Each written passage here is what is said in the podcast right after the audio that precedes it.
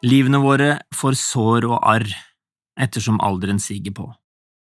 Etter hvert så har man ikke bare mistet besteforeldre, men også foreldre, venner og bekjente. Og jeg vet ikke hvor ofte du tenker på de du har mistet. Tenker du av og til på dem som har inspirert deg og vært forbilder også? Eller mest på de som kanskje har såret deg og gitt deg arr i livet? Eller kanskje du fortsatt sørger over tap av noen du virkelig brydde deg om og elsket? Eller har sorgen gått over til savn?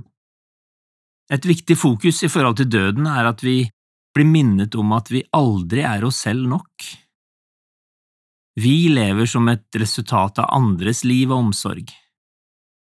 Det bør gjøre oss ydmyke i forhold til vår egen plassering i tilværelsen.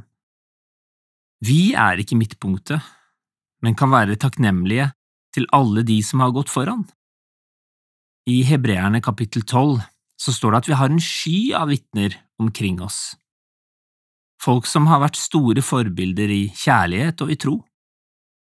Jeg hørte en tale om noen som snakket om din egen sky, at alle har en sky av vitner. Hvem er i din sky? Du har blitt bedt for, hjulpet fram, heiet på og elsket av mennesker rundt deg. Kanskje de ikke er her nå, men hvem er du mest takknemlig for? Så nevner ikke forfatteren av Hebrevbrevet dem som har gjort oss urett og skade. Kan det være fordi vi ikke skal ha fokus på det vonde og det som har skjedd, men gå videre? Folket Moses ledet ut av Egypt, hadde en sky foran seg som de kunne følge. Skyen det var et bilde på Guds nærhet. Vi har en sky av mennesker som har gått foran, som har gitt oss et glimt av himmel, og som har vært med å vise vei til Han som er veien, sannheten og livet.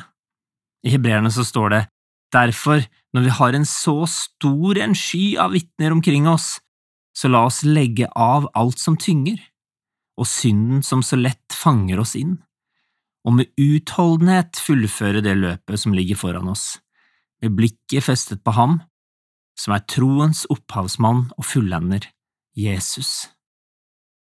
Det er interessant å lese at siden vi, vi, har så mange som har gått foran oss, som har vist vei, så får vi beskjed om å legge av alt som tynger. Hva er det som tynger deg i dag? Har du opplevd noe som gjør at du har mistet gleden?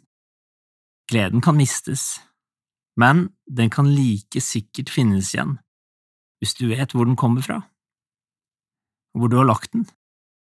Legg av det som tynger, på ham som har omsorg og som kjenner deg og vet hvem du er ut og inn.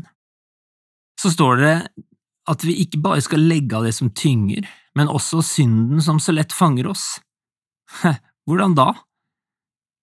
Jo, syndens essens, det handler om å ikke tro på Kristus.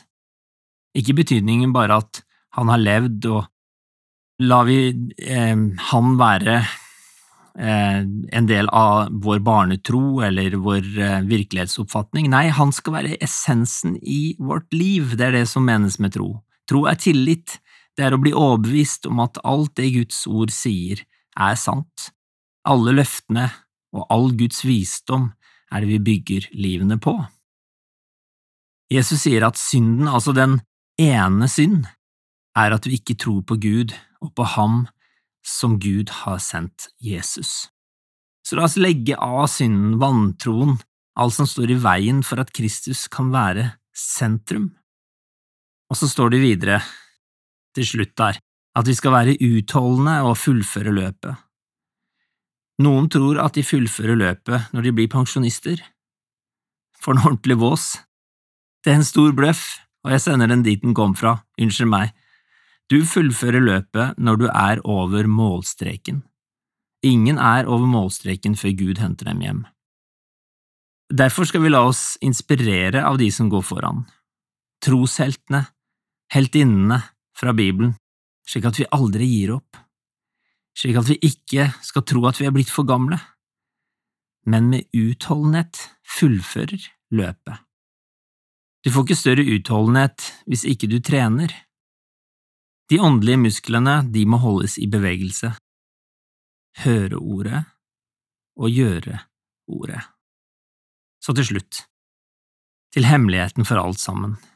Ja, man skal bli inspirert av de som har levd et liv til etterfølgelse, med blikket festet på troens opphavsmann og fullender, Jesus. Der ligger hemmeligheten. Hvis du fester blikket, og du fester det godt, så vil det være der, uansett hva som skjer rundt deg. Det å leve innenfor Guds ansikt, det er hele hensikten og hemmeligheten til livet. Det er der du blir formet, det er der du kan kjenne deg elsket, og det er der du finner fred. Peter Halltorp delte Guds ord med oss denne gang i serien Over en åpen bibel. Den produseres av Norea Mediemisjon. Du finner vårt rikholdige arkiv av andakter på norea.no.